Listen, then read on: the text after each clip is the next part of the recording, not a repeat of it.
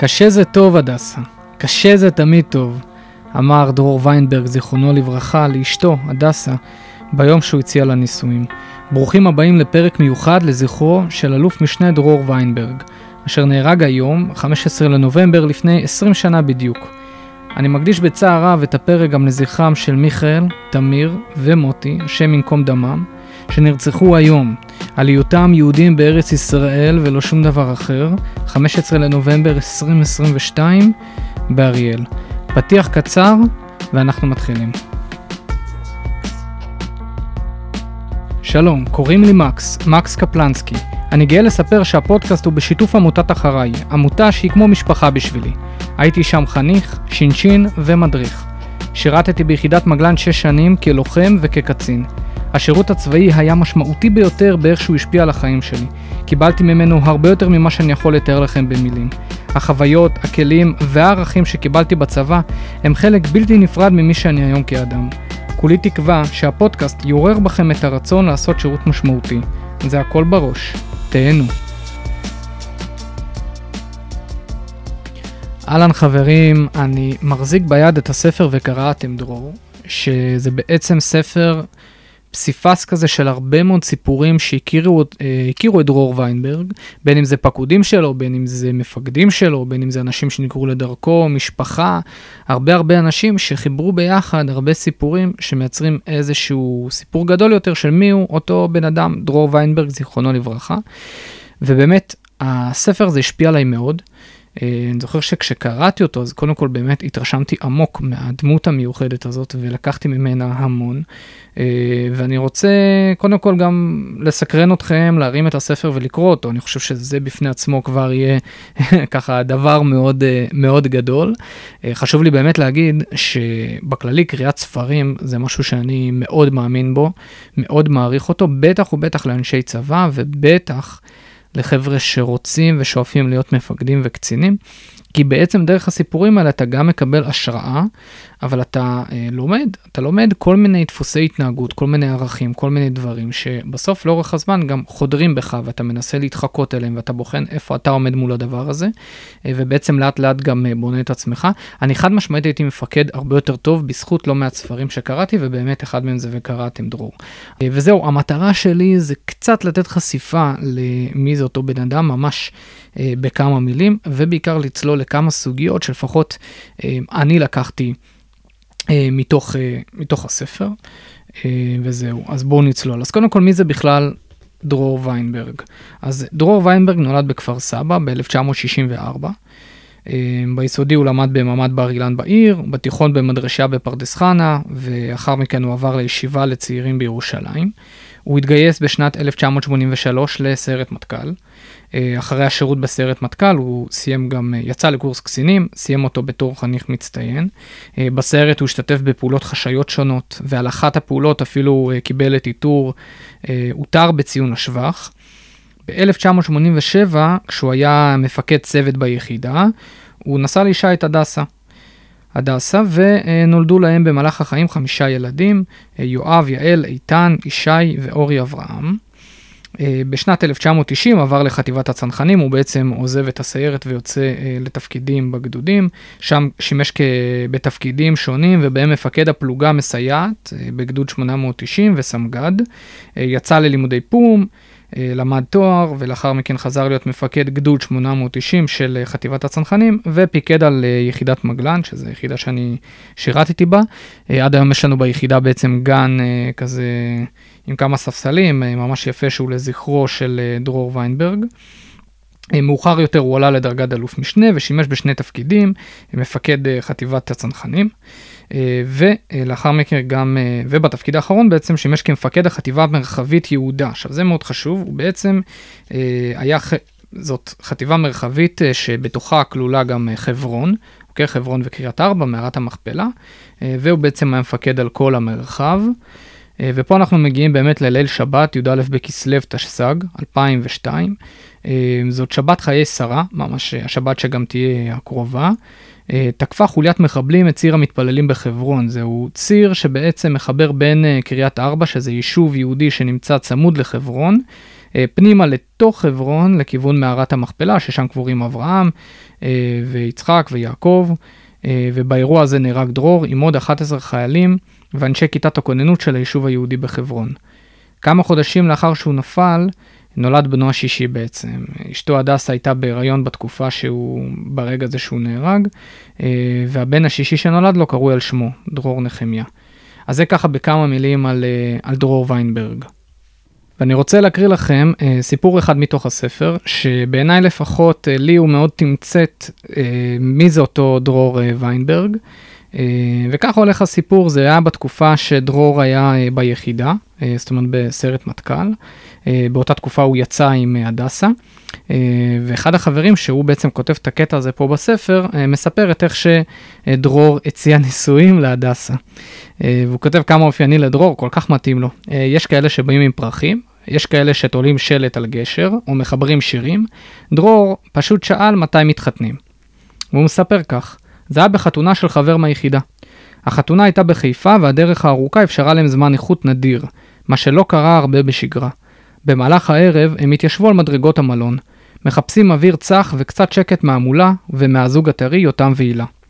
כן, אני שוב חוזר שנייה, דרור והדסה יושבים שם בעצם על המדרגות. ואז מתפתח ביניהם איזשהו דו-שיח. יש ליותם עוד שנתיים בצבא, לא? שאלה הדסה. זה בטח לא פשוט להתחתן באמצע תפקיד. אפשרי, בטח אפשרי, ענה דרור. לי זה נשמע קשה. קשה זה טוב, הדסה. קשה זה תמיד טוב, זה מחייב מחשבה, קביעת סדרי עדיפויות, זה מוציא כוחות שלא חלמת שיש בך. הדסה מקשיבה, לומדת להכיר עולם, את עולם המושגים שעוד יהפוך חלק מחייה. לי בכל אופן, ברור שמשפחה קודמת לצבא, אמר דרור נחרץ. אתה חושב שבגלל המשפחה יותם לא ירצה להתקדם בצבא? לא יודע, ענה דרור, הוא מהסס אם אפשר להכיל את שני העולמות. לי הנושא הזה ברור לגמרי. אני חושב שגם כאשר נמצאים בצבא, המשפחה צריכה להיות הבסיס האמיתי. רק מכוחה של משפחה אפשר לעשות דברים גדולים. הדסה שתקה. לא לגמרי מבינה איך זה אמור להיעשות. איך הבית יכול להיות עיקר אם רוב השבוע הבא לא נמצא. דרור תמיד אתגר אותה. איך מיישמים את כל זה? איך חיים את זה? הדסה הייתה מעוררת. אז בעוד חודשיים מתחתנים? דרור הודיע יותר מששאל, והדסה חייכה. כמה רומנטי. עכשיו, סיפור אה, מעניין. אה, אותי באותה תקופה בצבא מאוד תפס את אה, מה שעונה להדסה על הקשה. קשה זה טוב, הדסה, כן, דרור עונה לה. קשה זה תמיד טוב. זה מחייב מחשבה, קביעת סדרי עדיפויות, זה מוציא כוחות שלא, חלמת, שלא חלמת שיש בך. אז מה שאני ארצה לעשות עכשיו ב... בדקות הקרובות, אמ, זה בעצם לקחת את הסיפור הזה של הקושי ובואו אה, נדבר עליו קצת, כי אני חושב שזאת אה, סוגיה אה, מרתקת וסופר חשובה, בטח שנייה לפני שאתה הולך לשירות הצבאי, שבאמת השירות הצבאי בסוף הוא קשה. צריך להבין את זה, הוא קשה. הוא קשה לא משנה אם אתה לוחם בסיירת מטכ"ל או בגדודים, או אם אתה אפילו לא לוחם, או, או אתה או את, זה באמת באמת לא משנה איפה אתה נמצא, יפגוש אותך קושי. צריך להבין את זה, צריך להבין גם איך מתמודדים עם זה, אה, ובעיקר, אני עוד שנייה ארחיב על זה, אבל באמת גם ללמוד לאהוב את זה. אני חושב שמי שלומד לאהוב את הקושי ולהעריך את הקושי, הוא מרוויח הרבה. ודרור באמת אהב את הקושי, הוא אהב לעבוד קשה, הוא אהב לאתגר את החיילים, אנחנו עוד מעט גם נקרא איזה ציטוט ככה מאוד מעניין ש, שמראה את הנקודה הזאת, הוא באמת מאוד דרש מהחיילים שלו.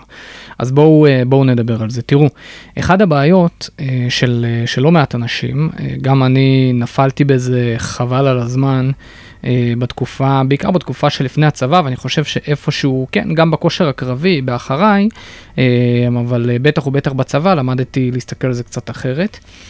זאת אומרת, נופלים בכך שהקושי האתגר, המאמץ שלי הוא איזשהו אמצעי כדי בסוף להשיג איזשהו, איזושהי מטרה.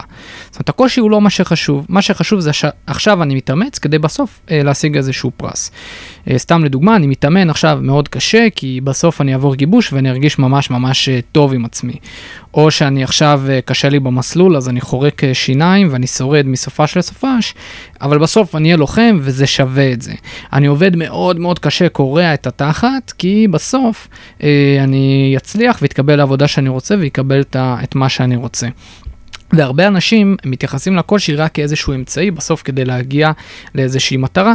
הבעיה בזה זה שזה יכול להחזיק תקופה מסוימת, אבל לרוב זה לא באמת מחזיק מים.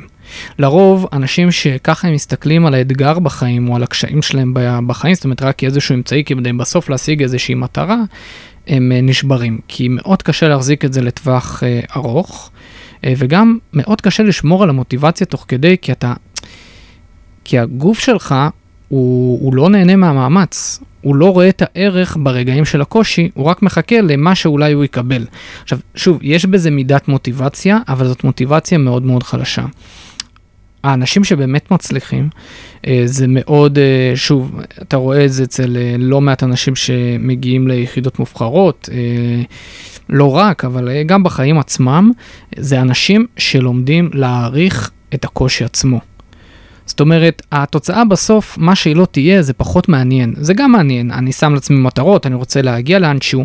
אני לא מדבר כרגע על הצבת מטרות, זה גם חשוב. זאת אומרת, המטרה הסופית היא, אני לא מזלזל בה, בסוף אתה רוצה להיות לוחם וזה בסדר גמור, ואתה רוצה להשיג א' או ב' וזה בסדר גמור.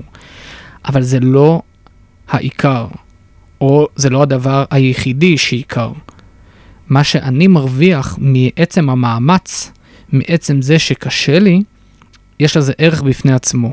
מה הכוונה? זאת אומרת, יכול להיות שעכשיו אני מתאמץ, מתאמץ, מתאמץ, מתאמץ כדי לעבור איזשהו גיבוש או כדי להתקבל לאנשהו, אבל בסוף לא התקבלתי, אז מה זה אומר? שכל מה שעבדתי עליו, שכל מה שחוויתי, שכל האתגרים לא היו שווים כלום כי בסוף לא התקבלתי?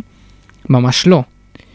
למה שקיבלתי בערכים, במי שאני, במה שבניתי את עצמי, יש ערך עצום. זה לא משנה אם בסוף אני אהיה במטכ"ל, או שפרשתי מהגיבוש ובסוף הגעתי ל...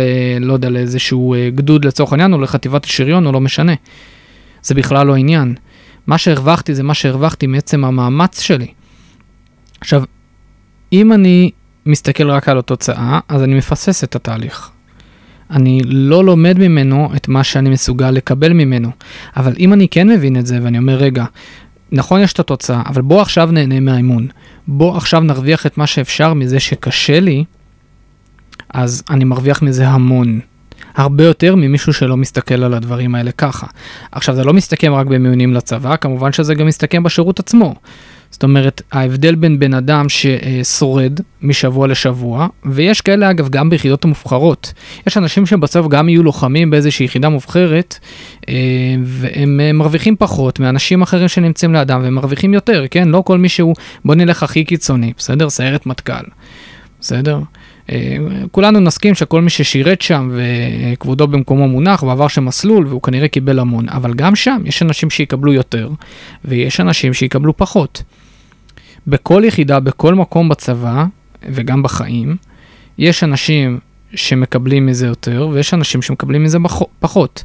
אני פגשתי הרבה מאוד לוחמים שהיו תחת הפיקוד שלי כשהייתי מ"פ ביחידה, שאתה רואה שהם שורדים, כאילו הם עוברים את המסלול ואתה לא מדיח אותם כי הם בסדר, הם עושים את העבודה, הם מתפקדים, הם עושים את מה שנדרש, הם יהיו לוחמים טובים סך הכל, אבל הם מורידים את הראש. זאת אומרת, הם נכנעים לקושי. מבחינתם, תן לי רק לסיים את המסע, תן לי רק לסיים את השבוע ולהגיע לסופש. לצבור כוחות, להגיע לעוד שבוע ולסיים אותו. בסוף אני אקבל את הסיכה. לעומת אנשים שלא מורידים את הראש, לעומת אנשים שלומדים לאהוב את האתגר. שמתמודדים ואומרים, וואו, מה אני יכול לקבל עכשיו? עכשיו תראו, דרור ויינברג אומר להדסה, אה, קשה זה תמיד טוב. האמנם קשה זה תמיד טוב, תמיד זה טוב שקשה? כן. כי אנחנו גדלים רק במקומות שבהם יש לנו אתגר, רק במקומות שבהם לא נוח לנו. במקומות שבהם אנחנו יושבים תחת הפלורוסנטים זה נחמד, זאת אומרת, אתה יכול לשבת ונגיד ללמוד, שיש לזה חשיבות, אבל בסוף איפה אתה באמת מעודד את עצמך? במקומות שבהם מאתגר. במקומות שבהם נדרש ממך איזשהו מאמץ, וזה לא פשוט. שם אתה מקבל את האתגר. זאת אומרת, אני יכול ללמוד, לדוגמה, לשבת מתחת לפלורסנטים וכל היום רק ללמוד אה, ערכים, תורה, לא משנה, כל אחד עם העניין שלו, להיות באיזה מכינה חילונית וללמוד כל היום הרצאות על אה, ככה וככה, וזה נחמד. אבל מתי אתה באמת נמדד, מתי אתה באמת רואה האם זה משהו שנכנס לנפש שלי, או שזה משהו שסתם נשאר על הדף כאיזושהי סיסמה, ברגעים שבהם אתה נמדד, רק שמה. איפה שקל ונוח אתה לא נמדד, אתה נמדד כשקשה. ובגלל זה, זה קחו טיפ ראשון, כן? הקושי הוא הזדמנות ללמוד, כי שם אתה מודד את עצמך. שם אתה לא רק מודד את עצמך, אתה גם לומד להנחיל את זה. אוקיי, אוקיי עכשיו אני מתמודד עם סיטואציה, בואו נראה האם אני מסוגל, אה, האם אני מסוגל אה, אה, להוציא אל הפועל את הדבר הזה שלמדתי וציפיתי מעצמי. אוקיי? זאת אומרת, לדוגמה, אני אומר לעצמי שאני בן אדם שלא פורש, אוקיי? זאת אומרת, כל דבר אני עושה עד הסוף. אם אתה כל הזמן מודד את זה רק באיזה מקום, אוקיי, אתה מתאמץ, אתה בקבוצת כושר קרבי, הכל נחמד ואתה, אה, ואתה אחלה שמה. אם אתה לא תמדוד את עצמך כל פעם במקום יותר קשה ויותר קשה, אתה לא תדע מה הגבול שלך בדבר הזה. זאת אומרת, יכול להגיע יום אחד, ופתאום אתה תתמודד עם קושי שלא, שלא חווית אותו לפני זה, ויכול שאתה תפרוש. אגב, תחזרו את הפרק, לפרק על הפרישה שלי מהגיבוש, שזה בדיוק מה שקרה לי. אז אה, זו דוגמה אחת. חשוב לי להגיד פה עוד משהו על הסיפור הזה של הקושי. אנשים בטוחים, אה, בטח ובטח מלש"בים, שקושי זה רק המאמץ הפיזי. חבר'ה, המאמץ הפיזי הוא אחד הדברים הכי פשוטים. אתם מהר מאוד תגלו שהמסע עצמו הוא לא החלק הקשה. פעם אחת מישהו שאל אותי, תגיד, אם היה לך הזדמנות להגיע עכשיו לסדרת אה, שטח, נגיד של אחריי, אה, והיית צריך לבוא ולבחון... אה, את מי אתה הולך לקבל, נגיד אתה עכשיו מ"פ ואתה צריך לקחת שני חבר'ה שיהיו חיילים אצלך בפלוגה. איפה היית בוחן אותם? איפה היית מסתכל ובוחר את מי לקחת? אז אני אומר לכם, במקום הכי קשה. עכשיו אני אומר לא, לאותו נער במקום הכי קשה ב, בסדרה, אז הוא אומר לי, אז מה, היית מגיע למסע אלונקות, כאילו לראות מי, מי ככה חזק באלונקה ולא נשבר, עם קושי, עם יכולת מנטלית? אמרתי לי, לא. זה החלק הפשוט. החלק הקשה, אתה יודע מתי הוא? החלק הקשה זה אחרי שיש לך לילה שלם, שלא ישנת, קור אימים, קפוא בחוץ, ואתה מתחמם מאיזה שיח שככה מדליקים, אתה באיזה שקה שכולו דק שקנית מאיזה אלונית, ואתה כולך קופא, ועכשיו השעה היא חמש בבוקר, הרגע הכי קר, ופתאום המדריך אומר, יאללה חבר'ה, כולם צריכים לקום, עשר דקות כולם היו מוכנים עם הציוד למסע, ובזמן הזה צריך גם לעשות סריקות ניקיון אה, ולקחת את כל הזבל לפחים הגדולים. זה קשה. שם אני רוצה לראות מי הראשון שקם על הרגליים. מי הראשון שיוצא מעצמו, לא נכנע לקושי ומתמודד. ומי הראשון שיעשה את המשימה הקבוצתית המעצבנת הזאת שצריך לעשות עכשיו. לא תחת גיבוש. עכשיו, בסדרה הזאת, מי משתבלל ומי עוזר. זה הרגעים החשובים, זה, הרגעים, זה הרגעים שנחשבים. עכשיו, זה בכלל לא עניין של, של פיזיות, זה בכלל לא קשור לכמה אני חזק בכושר קרבי או כמה מהר אני רץ את הדיונות. לא שמה זה נמדד. אמ, ולכן באמת, כשנקרא בפניכם הקושי, תגידו תודה, כי זאת הזדמנות ללמוד. אני מציע לכם לסגל את הגישה הזאת כבר עכשיו בכל דבר שאתם עושים. אה, כשקשה לכם, כשמאתגר לכם, כשבאס עליכם. אם אתם בצבא ואתם שומעים את זה עכשיו, אז כן, כשאני עומד בשמירה ואני שבוז, ואני לא מבין מה אני עושה פה. שם אתה מאותגר. שאל את עצמך, מה קורה? היופי ברגעים קשים זה שזה מבליט גם את הצדדים הטובים בך וגם את הצדדים החלשים. זאת אומרת, הצדדים החזקים שלך, שם הם באים לידי מבחן. זאת אומרת, אם אני נגיד בן אדם שהוא מאוד חזק אה, ביכולת אה, להניע אחרים. אז שוב, תחת הפלורוסנטים כשנתנו לנו איזושהי משימה קבוצתית זה נחמד, אבל אני באמת באמת נמדד ברגעים קשים. בוא נראה כשכולם שבורים מאחריי, איך אתה מצליח להניע אנשים אחרים. זאת אומרת, הדברים החזקים בך באים לידי ביטוי, אבל גם הדברים החלשים. זאת אומרת, אם אני בן אדם שלדוגמה, אה, ברגע שנהיה קצת אה, אה, בן אדם כזה שהוא אימפולסיבי, שברגע שמישהו עונה לו לא במקום אז אני מהר מאוד מתעצבן, ועכשיו קשה, שם הדבר הזה יבוא בעוצמות.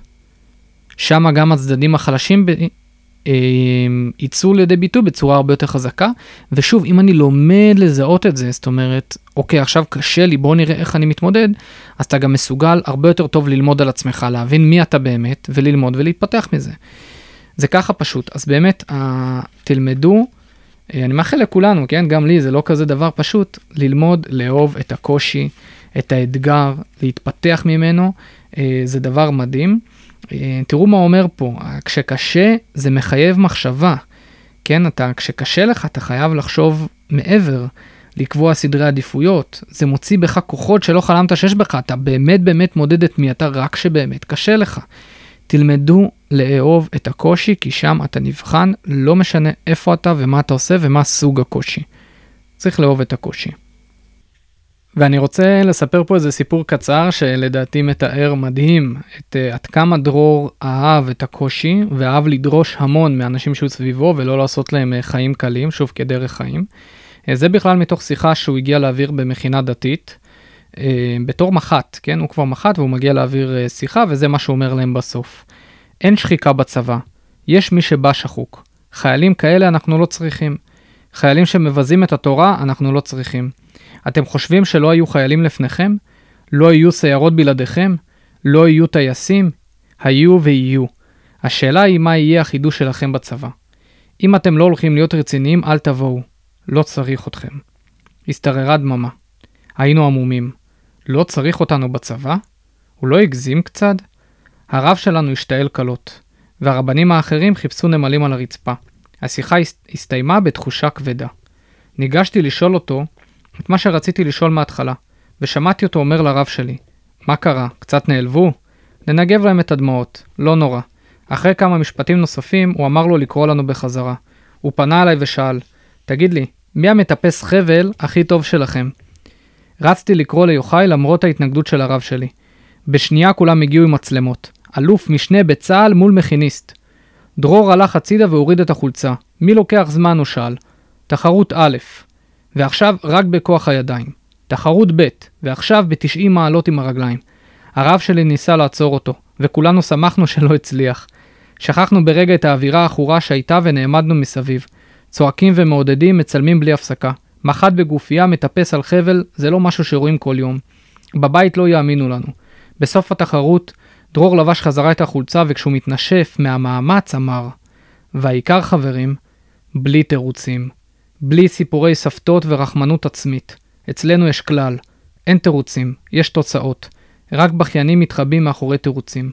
קשה לי, כואב לי, בוכה לי. אנחנו בצבא צריכים אנשים חזקים, גיבורים, גיבורים בכוח, גיבורים ברוח. אתם מוזמנים להכין את עצמכם להיות הגיבורים הבאים שלנו. גיבורים רציניים, אנשים עם עוצמה. זה השם של המכינה שלכם, לא? וככה נגמר הסיפור, אה, ובעיניי זה מראה קודם כל באמת עד כמה הוא דרש, אבל עצם זה שהוא בא וטיפס איתם את החבל, זה מראה שכמפקד, אה, כבן אדם, מה שהוא דרש, הקושי שהוא דרש מאחרים, פה אנחנו מדברים על המנהיגות, כן? מה שהוא דרש מאחרים, הוא גם דרש מעצמו. זאת אומרת, אם אנחנו כבר מדברים על, אה, על היכולת שלך להוביל ולהנהיג ולהיות נגיד מפקד בצבא, אתה לא יכול לדרוש משהו שאתה לא מצפה קודם כל מעצמך. אה, ומפקד טוב יודע לבוא ולהראות אה, דוגמה אישית, אה, ואז אנשים גם מסוגלים ללכת אחרי השיגעונות שלו.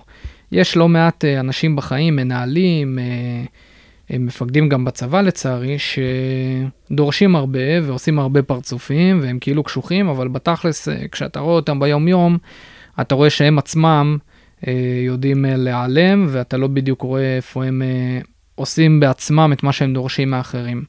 שוב, רוב המפקדים, כמעט כולם שאני פגשתי בצבא הם לא כאלה, ובאמת פה בסיפור הזה אצל דרור אנחנו רואים את זה מאוד חזק. אבל אני חושב שברמה המנהיגותית, עוד משהו שחייב להגיד על דרור, אה, זה באמת לא רק את, את זה שהוא נתן דוגמה אישית, וזה מה שנתן לו גם את המקום לדרוש, אלא גם עם כל הקשיחות שלו, ששוב, רואים את זה בסיפור אחרי סיפור, כמה הוא דרש, כמה הוא היה קשוח, הוא גם ידע לראות את הלב של האנשים. ולראות כל אחד ואחד ולתת לו את, ה, את הנשמה. אה, ופה יש גם איזשהו קטע קטן שאני רוצה לחלוק איתכם, אה, שבעצם צלם, אוקיי? צלם אה, בשם רוברט, צלם עיתונות ותיק, שהיה מסתובב הרבה בסביבה של דרור כשהוא היה גם כבר קצין בכיר, וככה הוא כותב: התפעלתי מהאופן שבו דרור מתנהל בטבעיות עם קצינים בכירים מצד אחד, ומשתלב בקלות עם החיילים בגדוד מצד שני. הרבה תמונות שלו צילמתי, לוחץ יד לרמטכ"ל, צ'פחה לאלוף הפיקוד, חיבוק לרס"ר וטיסלאם לחיילי פלוגת מסייעת. אמרתי לו את זה בסוף הטקס, כשאספתי את הציוד שלי. אתה יודע מה הסוד? שאל אותי וענה מיד בעצמו. הגובה שלי. אני שנייה, פתחו סוגריים, דרור ויינברג היה נמוך, היה אה, מאוד נמוך. אני מוכרח להודות שהתקשיתי לרדת לסוף דעתו, אומר הצלם. מי זה רבי אריה לוין, אתה יודע? שאל שוב. לא ממש. הצדיק הירושלמי, לא שמעת עליו? התפלא. כאילו שאני מכיר צדיקים. הוא היה אדם גדול, שעסוק כל הזמן במעשי חסד. משהו מיוחד. עזר לעניים, הלך לבקר חולים שאין להם משפחה ואין מי שיבקר אותם, הלך אפילו לבקר מצורעים. דרור הסתכל עליי, בודק אם אני איתו. מספרים עליו שפעם שם לב שאחד ממכריו מתחמק מלומר לו שלום. רבי אריה התפלא ושאל אותו מדוע. האדם הזה ענה שהוא מסתובב בלי כיפה והוא מתבייש שרבי אריה יראה אותו ככה. רבי אריה ענה לו בנחת. אל תדאג, אני נמוך קומה. אני לא רואה אם יש לך כיפה על הראש, אני רואה רק את הלב.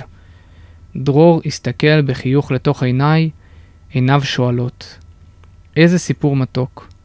גם אני נמוך קומה, דרור המשיך. ומר אריה למדת, וממר, ומרבי אריה למדתי שזה יתרון. בגלל זה אני לא רואה את הדרגות שעל הכתף. אני רואה רק את הלב. מי שנותן את הלב, אני איתו. ודרור באמת ראה את הלב. אתה שומע את זה באין ספור סיפורים, שבהם אולי מצד אחד הראה חזות קשוחה, אבל הוא גם ידע לבוא ולראות כל אחד בעיניים, ולראות מה חסר לו, ומה חסר לפקודים שלו, והיה עושה דברים מטורפים כדי שבסופו של יום לפקודים שלו יהיה גם מה לאכול בבית, ואם היה צריך לעזור, הוא היה ממש עושה אה, דברים משוגעים. אני מזמין אתכם שוב לצלול לתוך הספר ולקרוא ככה את, את הקטעים, פשוט, פשוט מעורר השראה. ואני רוצה לסיים עם עוד נקודה שמתחברת לשבת הקרובה אה, ולפיגוע שהיה היום, אה, הפיגוע באריאל. אה, שהיא ממש ממש חשובה, בטח בתקופה שבה אנחנו נמצאים, בחודשים האחרונים של אין ספור באמת אה, פיגועים אה, ונרצחים, ותקופה באמת כואבת. דרור ויינברג נפל עם עוד 11 אנשים בציר המתפללים על אהבת ארץ ישראל, עם ישראל, מדינת ישראל. ציר המתפללים זה הציר שמחבר בין uh, קריית ארבע, כמו שאמרתי, למערת המכפלה. מערת המכפלה היא לא סתם עוד מקום. עכשיו, האירוע הזה קרה בשבת חיי שרה. Uh, שבת חיי שרה זה בעצם הפרשה שאנחנו נקרא, נקרא בשבת הקרובה, שבה בעצם מסופר שאברהם אבינו, כששרה uh, הולכת לעולמה, uh, הוא קונה לה חלקת אדמה, אוקיי? ששם הוא הולך לקבור אותה, ממש חלקת קבר. עכשיו, הסיבה שהוא עושה את זה, זה כדי להחזיק בקרקע. זה כדי להנכיח את השייכות שלנו לארץ ישראל. זאת אומרת, עד אותו רגע אברהם מטייל ומסתובב בארץ ומפזר את, הבש... את הבשורה של אל אחד וכולי, אבל הוא לא נאחז בשום מקום. זאת אומרת, הוא לא בונה בית, הוא לא בונה איזה ארמון, הוא לא, הוא, לא, הוא לא בונה שום דבר שיש לו, הוא לא קונה קרקעות. הוא כורת בריתות, אה, עושה באר וסותמים לו אותה, אבל אין לו באמת אחיזה אה, ממשית בקרקע. ופה כששרה אה, הולכת לעולמה, הוא קונה, הוא ממש מתעקש. הציעו לו, הציעו לו, בוא תיקח קרקע, ניתן לך. אנשים כיבדו אותו מאוד בסביבה שלו באותה תקופה. בוא ניתן לך קרקע לקבר, אבל הוא לא הסכים. הוא הסתכל רחוק, הוא הסתכל שנים קדימה. והוא רצה קבר שיהיה על חלקת אדמה שהוא קנה בכספו וכולם ידעו את זה. והוא באמת גם אה, בישר על כך בשער העיר מול כל האנשים. והדבר הזה באמת מוכיח את עצמו, כי בסוף גם הוא נקבר שם, ובהמשך כשיעקב אבינו יורד, גם הוא וגם שרה, ובסוף כשיעקב אבינו יורד למצרים עם הבנים שלו, כן, והוא נפטר במצרים, יעקב אבינו, אז הבנים שלו מעלים אותו חזרה לארץ ישראל וקוברים אותו במערת המכפלה. מערת המכפלה היא סימן מובהק לשייכות שלנו, של עם ישראל, לארץ הזאת. זה, זה בכלל לא עניין פוליטי. והמחבלים הארורים שפוגעים שם בציר המתפללים לפני 20 שנה, היום לפני 20 שנה, אז זה היה כן אה, מוצ"ש, מוצאי שבת, בחיי שרה, שזאת שבת שבה הרבה מאוד אנשים מגיעים לחברון בשביל להגיע למערת המכפלה, כי זה בעצם הפרשה שבה נקנתה מערת המכפלה, הם פוגעים שם ביהודים, כי הם לא רוצים אותנו פה. זאת הסיבה. ודרור מסר את נפשו על הדבר הזה. דרור ויינברג, שהוא היה בפום, אה, במכללת פיקוד, לפני שהוא אחרי זה הלך להיות מג"ד, זאת אומרת, זה, אה, זה מכללה שבה לומדים קצינים לפני שהם עולים בדרגות ונהיים מג"דים. הוא את העבודה, יש כזה עבודה שעושים שם, הוא עשה אותה על דוד המלך. הרבה עושים אותה על כל מיני קרבות, וקרבות בארץ ישראל, כל מיני עבודה על פיקוד טקטי, על מפקדים, הוא בחר לעשות על דוד המלך. זה מראה על החיבור העמוק והחזק שהיה לדרור ויינברג לארץ הזאת, למקום הזה שבו אנחנו חיים. והיום, 20 שנה אחרי זה, מיכאל, תמיר ומוטי נרצחים באריאל על היותם יהודים בארץ ישראל ולא שום סיבה אחרת. אנחנו חייבים, חייבים לחזק את צדקת הדרך שלנו, את ההבנה למה אנחנו פה ועל מה אנחנו נלחמים. ובטח ובטח שהדבר הזה נדרש מכל אחד ואחת שהולכים לשירות צבאי. בטח מי שהולך והולכת להיות לוחמים, ואולי אפילו עתידים למסור את הנפש שלהם על המקום הזה. אם אני לא מבין על מה אני הולך להגן, להילחם ואפילו להסתכן בחיים שלי, אז אנחנו בבעיה. חברים, אני מקווה שנהניתם מהפודקאסט. אה, מזמין אתכם לשתף אותו לעוד חברים, כדי שעוד אנשים, אה, עוד בני נוער ייחשפו לתוכן הזה שיש לנו פה בערוץ. זהו, אם גרמתי אפילו אה, למישהו לקחת וללכת לקנות את הספר הזה וקראתם דרור, אני מרגיש שאת שלי עשיתי. אז אני מקווה שנהניתם ולהתראות עד הפעם הבאה.